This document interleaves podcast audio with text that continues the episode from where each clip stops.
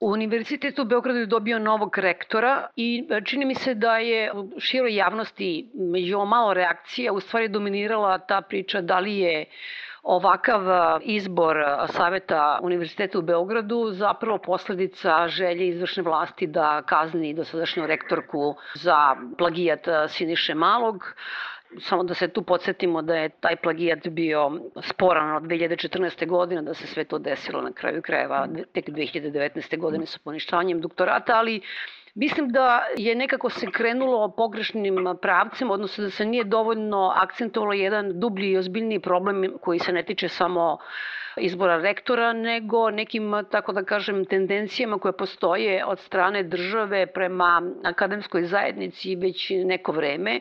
U sopštanju mase već na samom početku stoji ta jedna teza, a to je da je ovo zapravo još jedan u nizu tih zloupotreba ovlašćenja od strane izvršne vlasti koja želi da uspostavi kontrolu i nad obrazovnim naučnim institucijama u Srbiji. I vi tamo pominjete primere koji su se dešavali u naučnim institutima u Nišu i u Novom Sadu, pa te ja molim za početak samo da ukratko kažeš šta se to desilo pa je onda ovaj način izbora novog rektora zapravo jedan u nizu samo. Krenulo je sa institutima i sa upravnim odborima u kojima je vlada u stvari ima većinu članova za razliku od univerziteta te su nekim institutima brutalno postavljani direktori mimo volje kolektiva u tom smislu da naučna veća instituta glasaju za jednog kandidata, da savete onda izaberu potpuno drugog. To je kulminiralo na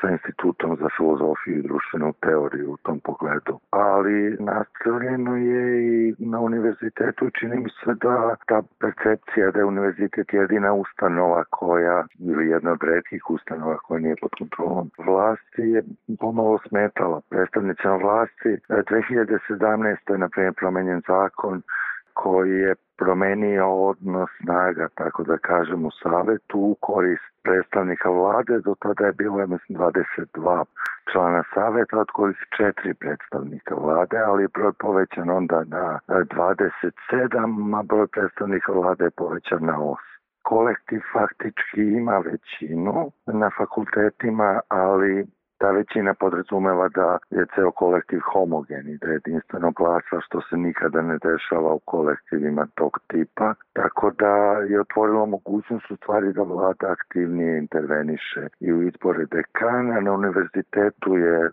slična situacija, tamo imaju 12 od 41, ali imaju veći broj studenta i to ovlašćenje u poslednje vreme počelo da se koristi. Znači imamo slučaj da savjet nije potvrdio dekan na univerzitetu u Nišu, fakultetu umetnosti. U Novom Sadu se dogodilo isto ovo što se dogodilo u Beogradu, znači da je Senat e, glasao za jednog kandidata, da je onda Savet preokrenuo tu odluku i e, sada imamo ovu situaciju u Beogradu. Ono što isto važno napomenuti jeste da je tome su prethodile velike intervencije prilikom imenovanja članova saveta. Znači, to je dolazilo do zamena, popunjavanja mesta koje nisu bila popunjena e, i to se sve e, dešavalo naglo. Znači, već četiri godine vlada nije ništa radila na tome i onda je odjednom počela da popunjava ta mesta neposredno pred izbore za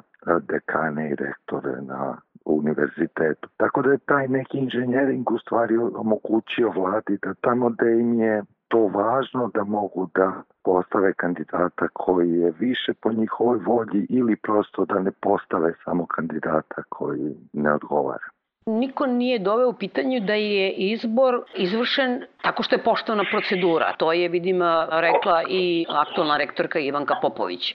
Takva je procedura, niko se nešto mnogo nije bunio u javnosti prethodnih godina zbog te procedure i sada u čemu je tu problem onda? Sve procedure su takve da su ranjive u odnosu na to na koji način ih upotrebljavaju oni koji e, imaju moć da kontrolišu znači čitav proces. E, I u tom smislu e, je napravljen takođe jedan izborni inženjering pre izbora rektora u Beogradu i ono što e, je važno je u stvari da te procedure dobro funkcionišu e, onda kada postoji jedan način, da kažem, neku vrstu fair playa koje postoji unutar tih procedura, one nisu zamišljene da artikulišu nekakve grube polarizacije u tom e, smislu. Tako da taj dvostepeni izbor rektora na univerzitetu, znači gde prvo kandidat, za kandidate glasa senat, ali senat ih ne bira. Znači senat je telo koje je sastavljeno od dekana i direktora instituta,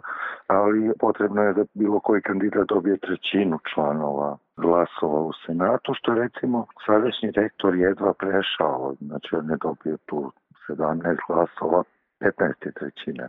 I u tom pogledu i onda savet u stvari je više tradicionalno potvrđivao ono što bi bila volja samog senata, odnosno univerziteta u tom smislu. Taj preokret onda se dogodio zahvaljujući očigledno glasovima koji su dolazili od strane vlade i dolazili verovatno većim delom od strane studenta ili ja ne bih rekao studenta nego studentskih predstavnika studentskih organizacija koje takođe pate od manjka legitimnosti kao i na mnoge druge organizacije u tom smislu. A, mi imamo sada u stvari lektora čija čitava legitimnost zavisi od glasova vlade, odnosno predstavnika studentskih organizacija, a ne kolektiva kojim treba da upravlja. Videla sam izjavu budućeg, odnosno novog rektora Đokića koji je rekao eksplicitno ja sam izbor akademske zajednice.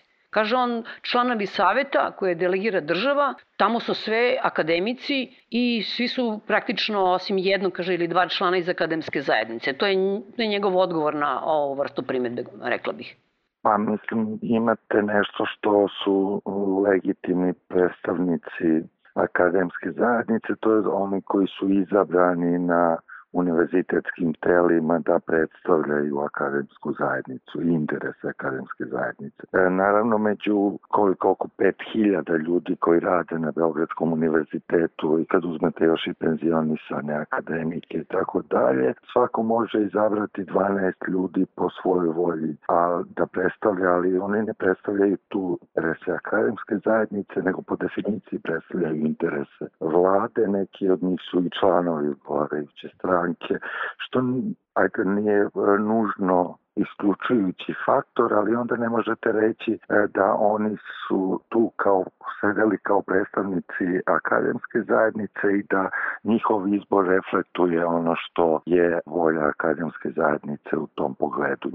Njih je postavio predstavnik osnivača, predstavnik osnivača je vlada. Tako da ta tvrdnja u tom smislu da je problematična, mogu ja nasumično izabrati neki broj ljudi u akademskoj zajednici koji mi daju podršku i tvrditi da me izabrala akademska zajednica, što nikako ne može biti tačno u tom smislu. Još jednom, dakle, procedura je zvanično poštovana. To što je Savet prenebrigao potpuno i preokrenuo odluku Senata, u stvari To me asocira malo kao kada bi recimo elektori odbili na američkim izborima da potvrde izbornu volju građana, nego glasali potpuno suprotno za novog američkog predsednika. Pa u stvari kao kada bi u elektorskom telu mimo oni koji su izabrani da budu u elektorskom telu recimo još neko postavio neki broj članova koji mogu da preokrenu rezultate glasanja po državama. I ta dobra tradicija u stvari je pokazivala da je država hoće da poštuje autonomiju univerziteta i da njeni interesi nisu interesi koji idu e, mimo aktualne volje ljudi na univerzitetu.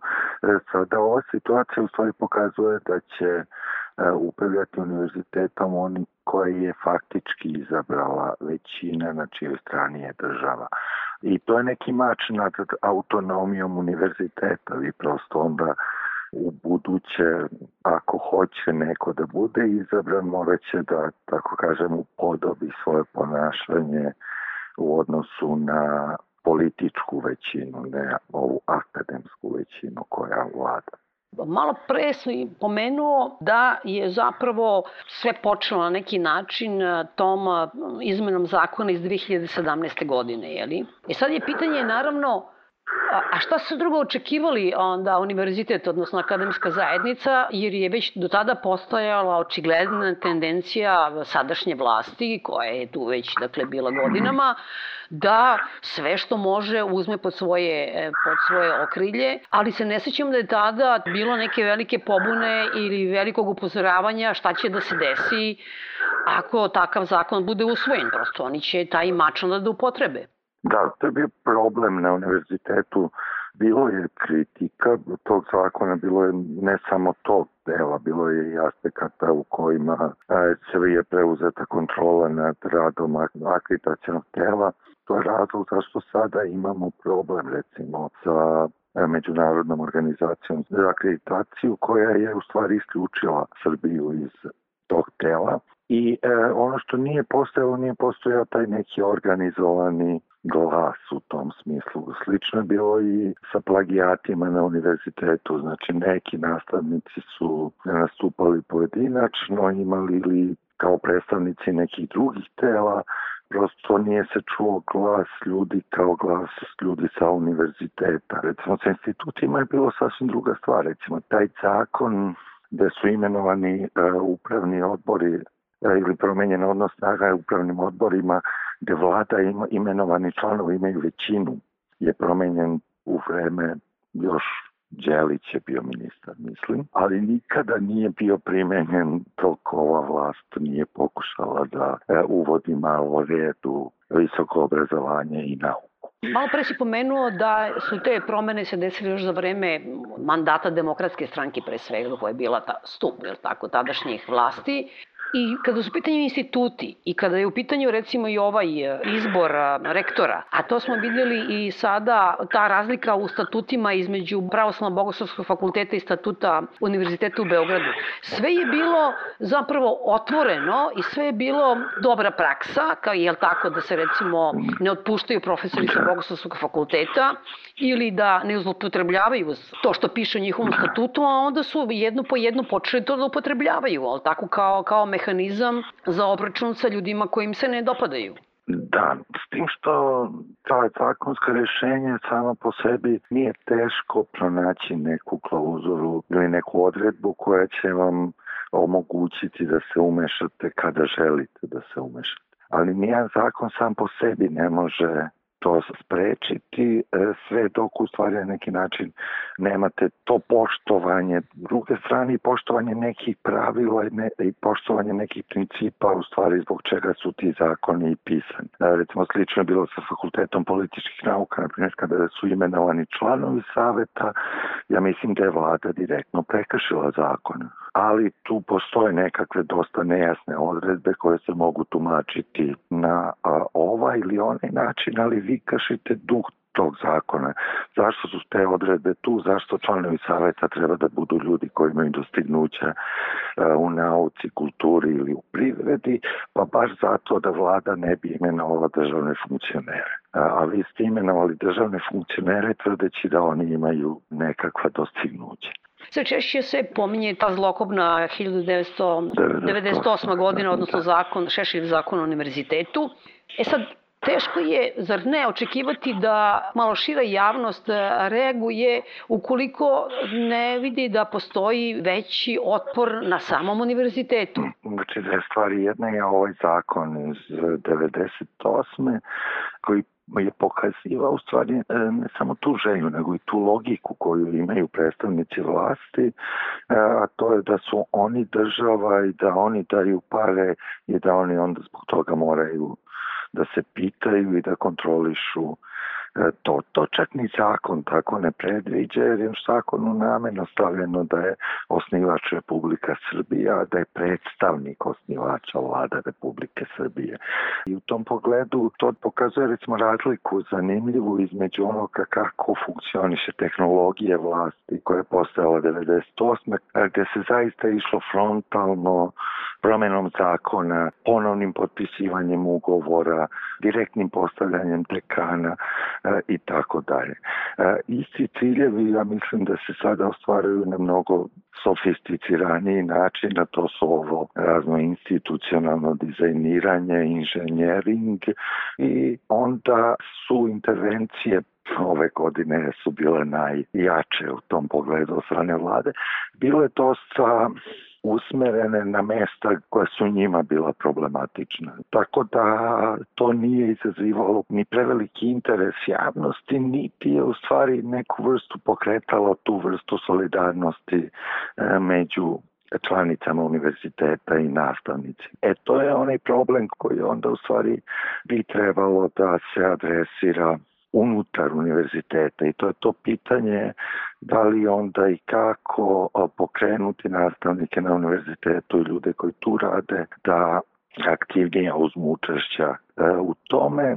E, to će biti jako teško jer dosta je heterogena ustanova institut i postoji mnogo i ljudi i mnogo fakulteta, znači kojima to ne smeta, koji sad nešto samo rade, oni prosto ih na neki način, ako ih niko ne dira, direktno ne dira, oni neće intervenisati ili neće se pobuniti do onog trenutka kada obično bude kasno, a to je onda kada problem koji imate zakuca na vaša vrata. I mislim da bi u tom smislu akademska zajednica makarmo ima kapacitet ako niko drugi nema u Srbiji da deluje proaktivno, znači da na neki način ne samo reaguje onda kada nastanu problemi pitanje koliko će se uspeti, pogotovo što imat ćemo upravu univerziteta sa dosta krajnjom legitimnošću i upravu univerziteta koja nije, neće biti zainteresovana da se takve stvari dešavaju. Đorđe, mnogo hvala na razgovoru. Ništa, hvala.